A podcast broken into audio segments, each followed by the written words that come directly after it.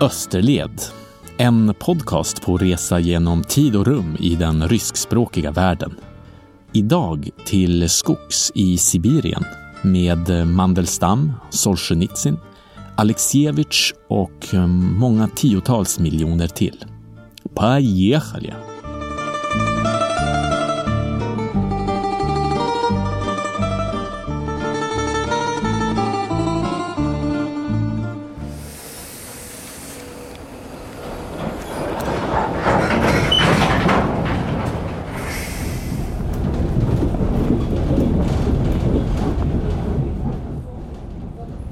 Nu sitter jag här i restaurangvagnen som är på väg till Perm.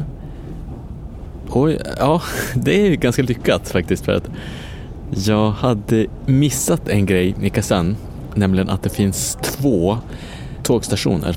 Eh, Kazan och Kazan 2, alltså Kazan 2. Bra namn som de har för det där, inte riktigt. Eh, de här två stationerna ligger ganska långt ifrån varandra och det tåg som jag skulle åka gick eh, inte ifrån det, den tågstation där jag var. Så eh, när jag sprang ut från tågstationen så hittade jag två snubbar som hade samma problem och så blev det taxi som vi tog. Eh, vi delade den, men den var ändå extremt dyr. Den dyraste taxin jag åkt i Ryssland. Men eh, jag har i alla fall inte ätit någonting då. Så istället för att köpa sådana här plastburkar som det finns eh, nudlar i som man kan hälla varmt tevatten på så har jag nu satt mig i restaurangvagnen för att testa den. Så eh, nu sitter jag här. Eh, den är alldeles tom och maten den är... Eh, eh jag vet inte riktigt. Jag äter en soppa med lite bröd. Det är inte gott men eh, det är inte äckligt heller. Så ungefär så. Ehm, um, landskapet utanför är regnigt och hon som basar i restaurangvagnen är tjock och otrevlig men jag är i alla fall på glatt humör. Eh, mest för att jag har hunnit med tåget för det hade verkligen varit otroligt drygt ifall jag inte kommit med tåget så jag är verkligen jättenöjd med att inte ha missat det. Tåget från Kazan till Perm går längs en av de transsibiriska järnvägens dragningar. Man måste liksom göra en krök norrut från Kazan som ju ligger längs Volga. Volga rinner söderut mot Uljanovsk och Saratov, men Perm ligger nordöst längs Kamafloden. Kamafloden flyter ihop med Volga just söder om Kazan, men tåget går inte längs floden utan norr om den, upp i Udmurtien genom dess huvudstad Ishevsk och sen vidare till Perm. De flesta tåg som går riktigt långt österut från Moskva, de tar norrut redan efter Moskva till Jaroslavl och Kirov och sen till Perm utan att åka via Nizjnij och Kazan som jag har gjort, den sydliga rutten. Tåget 100E som eh, går varje dag från Moskva till Vladivostok rullar den här nordliga rutten. Så jag har ännu inte suttit på något av de verkliga transsibiriska tågen, men Ryssland är enormt i alla ledder. Och tåget som jag tog från Kazan till Perm var dragningen 326S som eh, tuffar på i två och ett halvt dygn från Novorossiysk vid Svarta havet. Och jag hoppade på bara för de sista futtiga 14 timmarna. Nu ligger jag inbäddad i överslafen igen och utanför så glider Udmurtien förbi. Eh, så jag har bytt en tidszon och i natt så eh, ska vi byta en timme till. Det här är ett enormt land. När Vysotsky eh, sjunger om de deporterades väg till lägren så heter det på svenska att eh, i en vecka gick tåget mot norr. Fast eh, ja, jag är framme redan om åtta timmar vecka gick tåget mot norr och baracken var kall som graven. Och det kändes som om nattdygnet om desto mer som vi också var det Ja, det kändes som om nattdygnet om desto mer som vi också var det Josef Mandelstam mördades långt borta i Sibirien, nära Vladivostok. Min namne avskyvärd, föraktlig, sa Mandelstam om vad man måste anta var Stalin eftersom att eh, båda två hette Josef.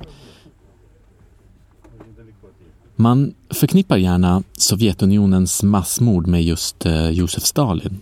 Men då missar man kanske att de började redan under revolutionsåren och att lägersystemet som Solzhenitsyn namngav Gulag-arkipelagen kom till redan på Lenins tid och att de fortfarande administrerades av Gorbatjov på 80-talet. Lägersystemet kulminerade på 30 och 40-talen. På 50-talet så fanns det också många krigsfångar från världskriget i lägren. Och lägren fanns alltså fortfarande på 1980-talet när jag var barn och fastän att Gorbatjov försökte styra in Sovjet på en mer demokratisk väg. Vysotsky sjunger i balladen om barndomen om den dag då han föddes på 30-talet att eh, Först senare har jag förstått att det året då jag fick min frihet var det många andra som miste den för gott. Gulag var arbetsläger som å ena sidan var sammanvävda med det ekonomiska systemet i Sovjetunionen och tjänade det genom att tillhandahålla gratis arbete eller slavarbete. Men å andra sidan också tjänade det politiska styret i Sovjetunionen genom att kontrollera och skrämma och beskära den egna befolkningen. Och med beskära så menas visserligen massmord. Men målet var inte att utrota människor. Vissa sköt man visserligen, men de flesta fångar var till för slavarbete. Tanken var väl kanske att arresteringarna skulle vara ideologiskt motiverade, men många av de dömda hade andra eller alls inga egentliga skäl till att bli internerade. I lägren hamnade visserligen politiska motståndare, men nästan vem som helst kunde klassas som en politisk motståndare. Det fanns ett angivarsystem och om man angivits för någon oansenlig förseelse så kunde man bli hämtad i gryningen och bortförd till lägren. Och han dansade och skrattade som vi och han delade brännvinet och brödet. Men i gryningen angav han oss det var mitt fel, förlåt mig bröder. Men i gryningen angav han oss. Nobelpristagaren Svetlana Aleksijevitj förmedlar i eh, sin bok Kriget har inget kvinnligt ansikte en berättelse om en sovjetisk soldat vars man kommer hem efter kriget. Hon hade inte vetat om att han hade klarat sig under kriget. Han var ju en krigshjälte, men han hade blivit tillfångatagen av tyskarna. Varför lät du dig tillfångatas? hade underrättelseofficerarna skrikit. Att ha varit tillfångatagen av tyskarna var i sig ett brott. Och de hann inte vara återförenade mer än en dag. Så efter att han hade överlevt kriget och tyska fångläger så var han hemma en dag och blev sen arresterad och skickad till Sibirien som folkfiende. Folkfiende var det man, man kallade dem. Det var ett av lägersystemets vokabulär. Hon som var gift med folkets fiende stigmatiserades också och hon fick aldrig något bra jobb. Före kriget så hade hon varit lärare, men nu så fick hon bära tegelstenar på ett bygge. Sovjetsystemet straffade även folkfiendernas familjemedlemmar, även om man hade dubbats till folkfiende och internerats bara genom att ha varit krigshjälte och överlevt tyska koncentrationsläger. Över tid så lyckades Gulagsystemet visserligen ha ihjäl knappt två miljoner människor bara av de tiotals miljoner som passerade igenom på olika strafftider. Många stora läger permanentades visserligen och blev städer och flera av de lägerstäderna finns kvar idag som Norilsk och Magadan. Därmed inte sagt att det inte var under vedervärdiga förhållanden. Josip Mandelstam till exempel, han blev dömd och skickad österut men efter ett självmordsförsök så blev han förflyttad tillbaka till Europa. Det var mycket tack vare hans fru som ordnade så att han kunde sitta av resten av sina tre år i Voronezh. Och sedan släpptes han också. Att Mandelstam bara fick tre år i första resan beskriver hans fru Nadezja som Stalins mirakel i den bok hon har skrivit. Det var innan mordet på Leningrads borgmästare Kirov 1934. För efter det så sköt paranoian och arresteringarna i höjden. Trots att otaliga säkert har skjutits för mindre förseelser än att inneha Mandelstams dikter, så fick Mandelstam själv, som skrev dem, bara tre års förvisning för att ha författat dikten Kremljovskij Garets, som är fantastiskt bitter och föraktfull mot det bergstroll i Kreml som han alltså kallar Stalin. Stalin var ju georgier och den ryska bilden av Georgien är att det är ett bergigt ställe, så därför bergstrollet. På 10-talet så hade Josef Mandelstams poesi varit mer eh, dunkel. Hans eh, poetpolare ville återgå till dikten för diktens skull. Man ville inte ha något intellektuellt krafs. Under 20-talet så blev han mer och mer eh, berömd i Sovjetunionen, fast den censuren blev allt strängare. Den påverkade honom negativt. På 30-talet hade han blivit uppgiven och nedslagen och, och bitter. Han skriver att vi lever som om landet inte finns. På tio stegs håll hörs inga samtal. Det är de första raderna i dikten som fick honom dömd. Föraktet mot Sovjetsamhällets våld var alldeles avskalat och tydligt i den här dikten och dessutom nämner han ju bossen själv i strofen efter. Men där orden räcker till samspråk, där minns man bergsbon i Kreml, Kremljovskij Garets. Nu har ni lyssnat till subversiva antikommunistiska rader. Folk dog i lägren för brott som inte var värre än det som ni just begick genom att lyssna till det här. Efter de tre åren som Mandelstam fick för den här dikten så var han fri i Moskva i nästan ett år. Men han var sjuk och medtagen. Terrorn var ordnad så nu att eh, till och med de minsta ideologiska förseelserna eller rent av slumpen kunde leda till dom och lägerförvisning. Och Mandelstam hade ju redan ögonen på sig. När han dömdes igen så ville man inte ha honom i arbetsläget Kolima. Han var ju språkvetare och hade studerat vid universitetet i Heidelberg och som poet så var han helt enkelt inte arbetsför för tungt arbete. Mandelstam dog i slutet på 1938 i ett genomslussningsläger utanför Vladivostok. Så här låter sista strofen i Bergsbon. Han suger på dödsstraff som hallon. Det är fest i hans breda bröst. Mandelstam kan läsas som en odyssé över terrorns framväxt och följder i Sovjetunionen. Om hur försiktig optimism från 10-talet byts till uppgivenhet över censur och sen till lägerstraff under Sovjetunionens första årtionden. Josef Mandelstams dikter finns på svenska. Eh, den här musiken är inte Mandelstam utan eh, Vysotsky igen och eh, här tolkad av Göteborgsgruppen Balodja. Och han tror att vi blir här för gott att vi fryser ihjäl och förblöder. Han begravde oss lite för fort. Vi kommer åter, tro mig bröder. Ja, han begravde oss lite för fort. Vi kommer åter, tro mig bröder.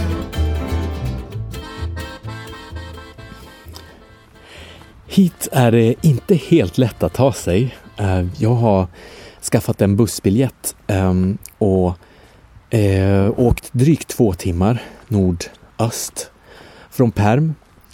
Och man måste säga till busschauffören att man ska hoppa av vid avfarten till Kuchino som är den här byn som ligger någon kilometer framöver. Men man blir avsläppt vid avtagsvägen som är bara en sketen liten omarkerad nästan väg som går av från huvudvägen. Vägen är asfalterad och man går och det är lite som en kontrast mot de här, äh, jag går förbi två nedbrända hus. Mm. Men de ligger som innan byn. Byn ser jag där framme och museet ska ligga i slutet på byn.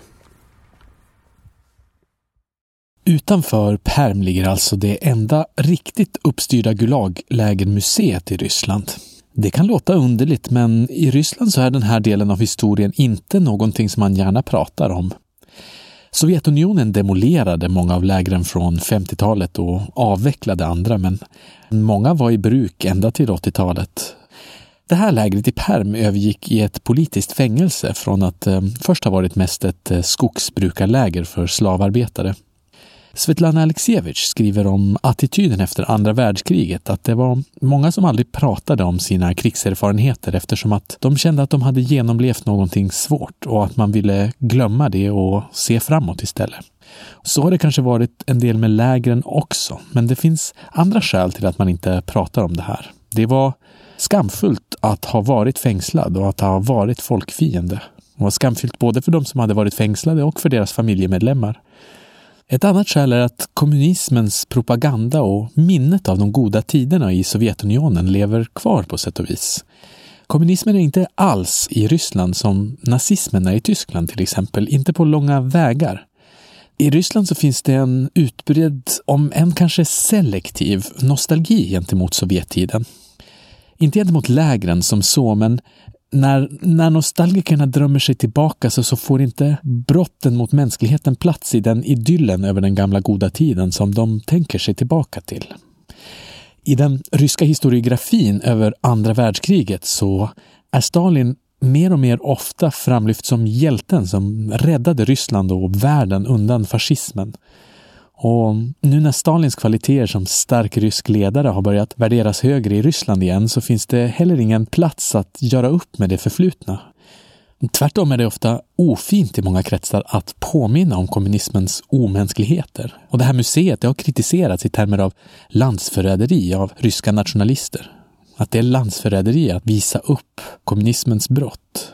Och det är anmärkningsvärt egentligen eftersom att det här är det enda museet av ett Gulagläger som finns kvar.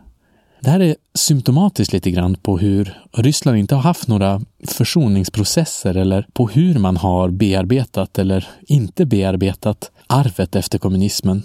Det har aldrig varit några omfattande rättegångar för brott mot mänskligheten efter kommunismens fall till exempel. Det finns visserligen ett jättebra Gulagmuseum i Moskva, men kommunisttidens brott förblir känsliga i Ryssland.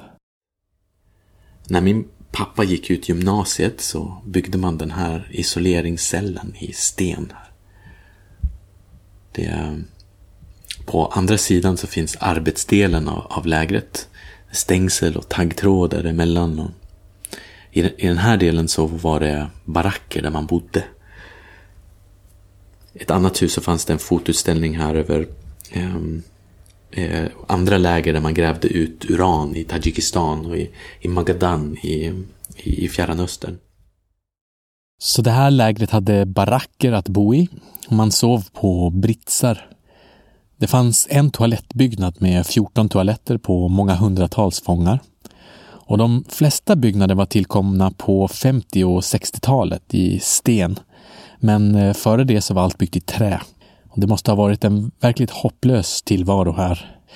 Samtidigt så slås jag av hur lägren var produktionsinriktade. Det fanns verkstäder och maskinreparationsavdelningar här i permlägret eh, och andra läger var gruvor eller skogsbruk eller infrastrukturbyggen. Meningen var verkligen att fångarna skulle arbeta för produktionen i planekonomin och, och de var en del av den. Det är värt att understryka det igen efter förra avsnittets orger i det sovjetiska ekonomiska systemet, att det verkligen var så att Gulaglägren och straffarbetet var en del av planekonomin. Sovjetunionen industrialiserade genom slavarbete. Um, bakom mig utanför här så går en gumma och följer efter mig och tänder lamporna och släcker efter mig. Det ehm, är lite speciellt. Annars är jag nästan själv det kommer ändå en hel del besökare bakom. Utanför oss så är det en rysk grupp. Alla är ryssar. Jag är glad att det är, att det är välbesökt.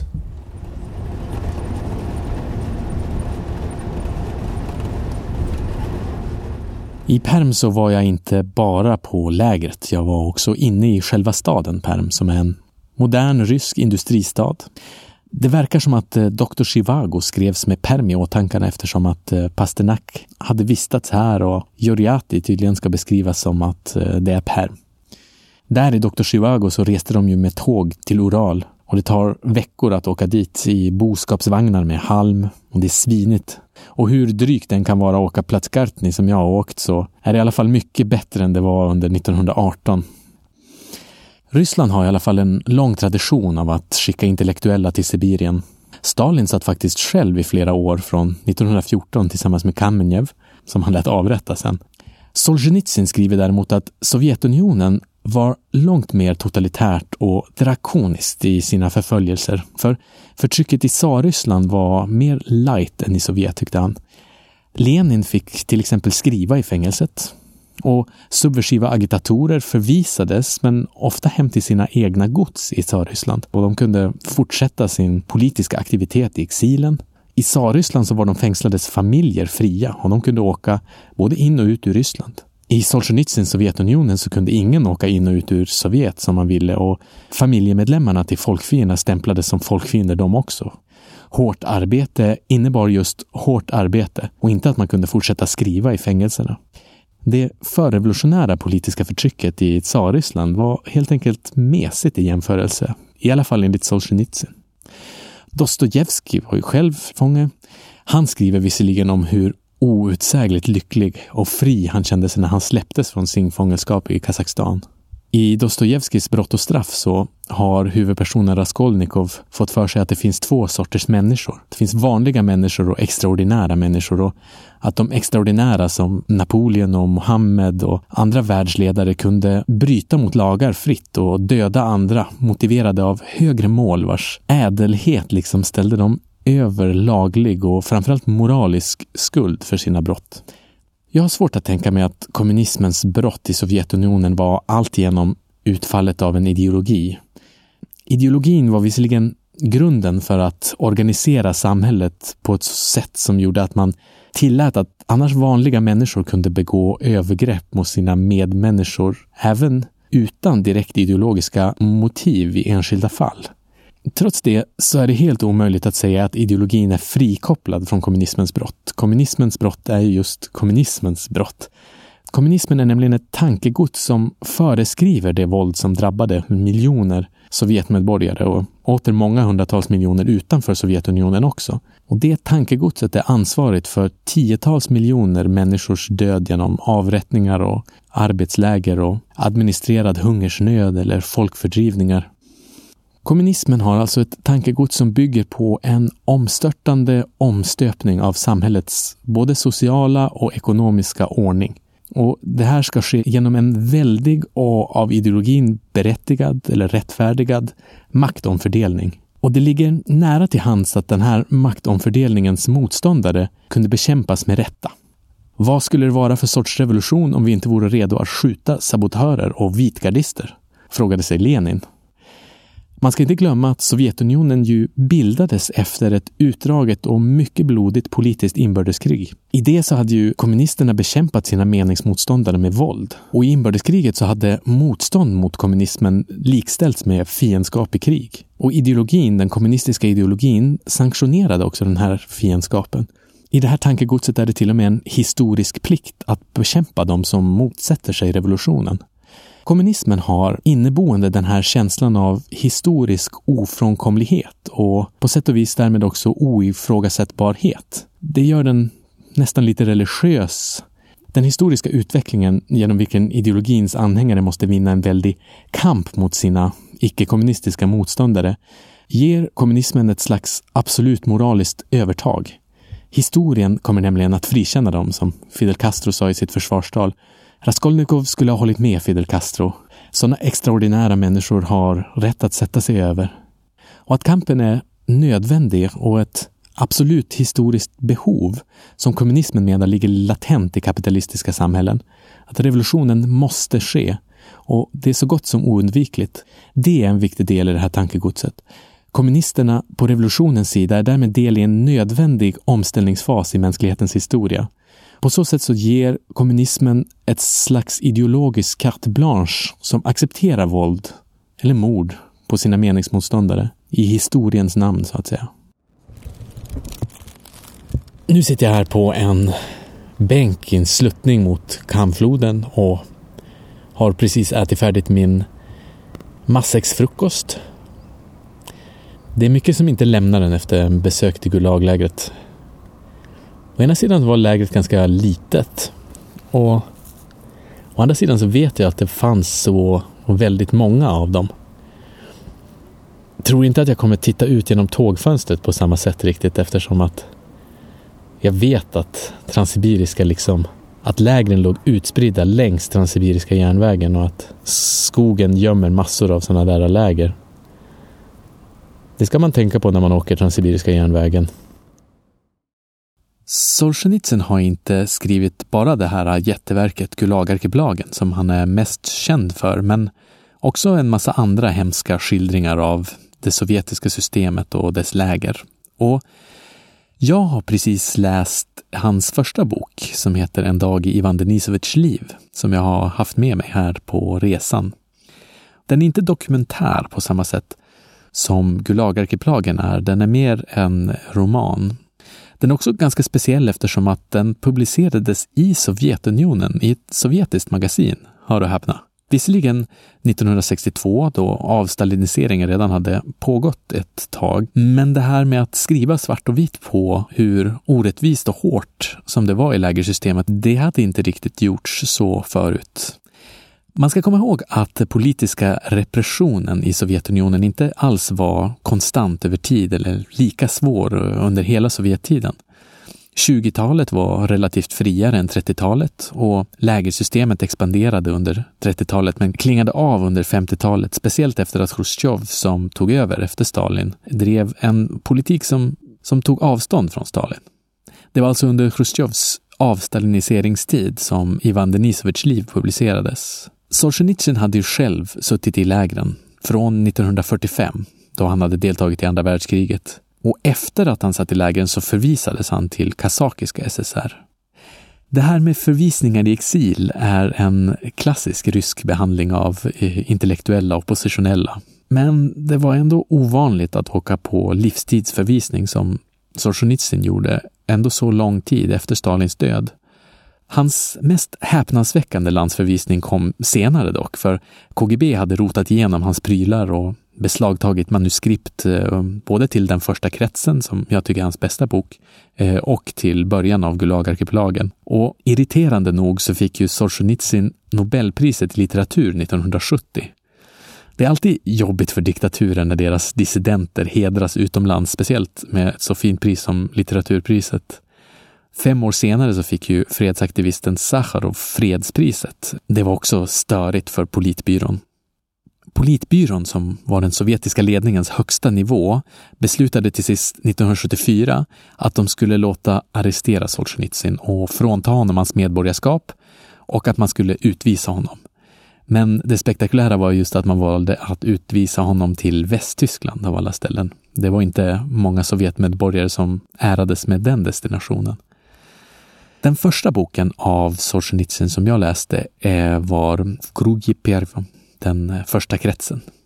Den fick jag i ett väderbitet eh, exemplar av en nederländare när vi liftade tillsammans i Tadzjikistan.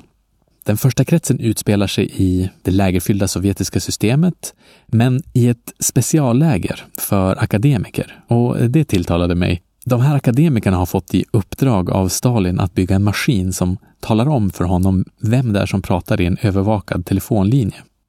Den akademiska världen är som tidlös.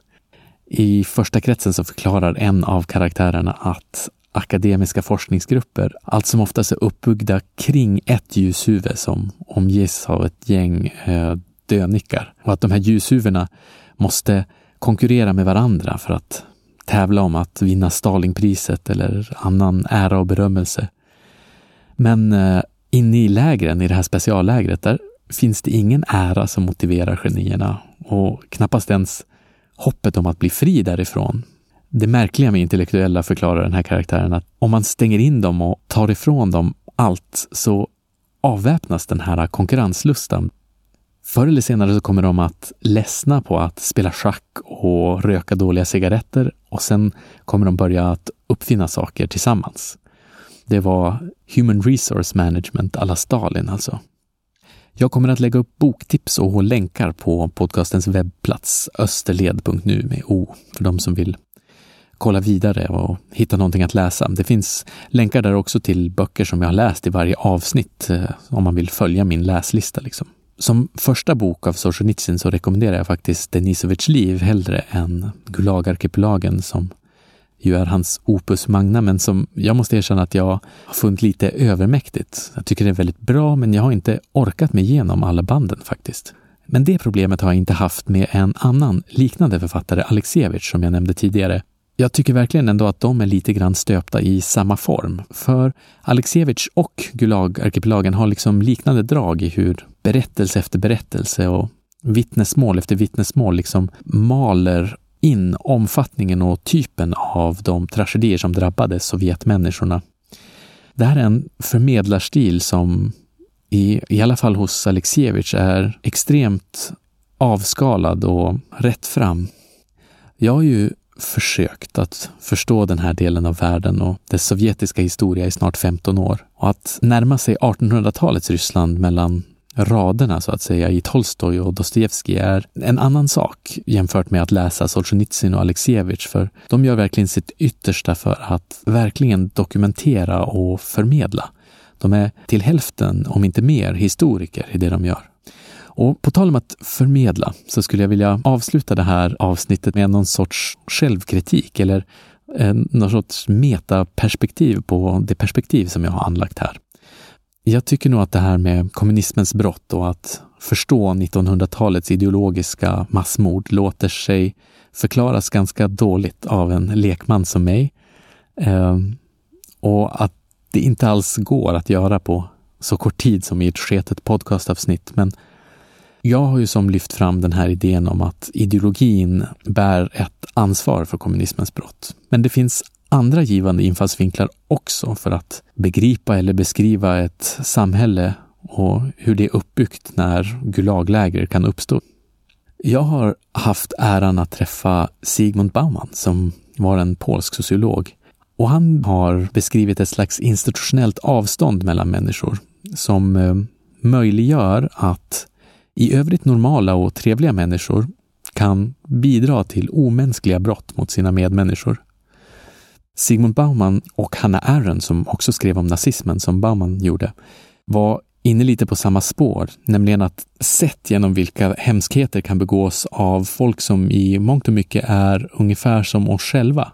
I alla fall mycket mer som oss själva än vi ids förstå ifall vi gör det så lätt för oss att vi bara skyller 1900-talets hemskheter på onda människor som Hitler och Stalin.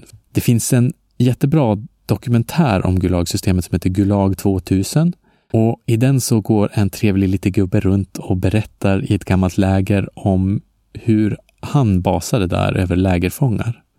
Ännu en viktig aspekt av det här, nu när jag drog in Sigmund Bauman och Hannah Arendt, är ju att historiografin över nazismens och kommunismens brott är diametralt olika, som jag sa förut. Ryssland har ju inte haft några Nürnbergrättegångar och kommunismen har inte dragits i smutsen så som nazismen har gjort. Kanske är det skillnaden i den här historiografin, delvis, som gör att jag skulle tycka att det var riktigt osmakligt att göra ett podcastavsnitt om Förintelsen eh, på samma sätt som jag har gjort här. Nämligen att jag åker tåg till koncentrationslägren, åker samma rutt eh, till lägren som häftlingarna gjorde, spela någon musik mellan eh, mina delar i podcasten som handlar om Förintelsen och de som dog där.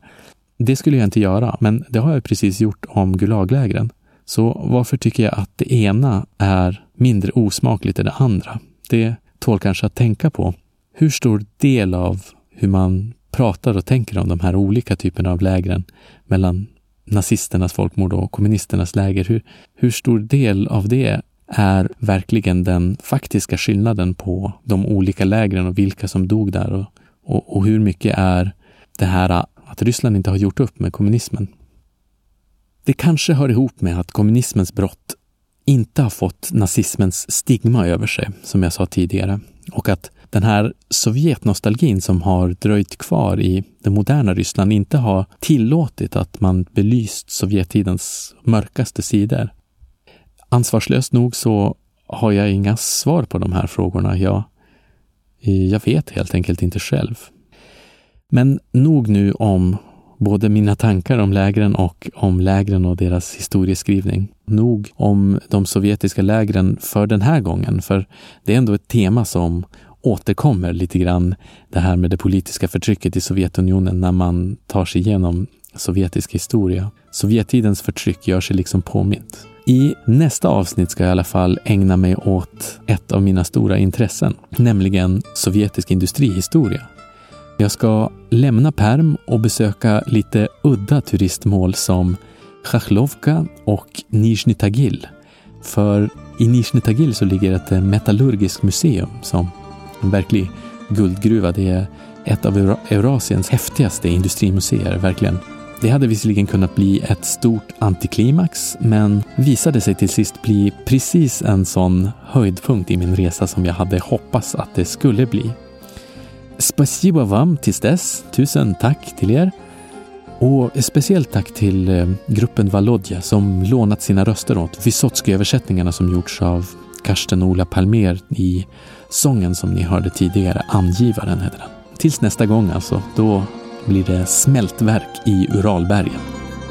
Backa!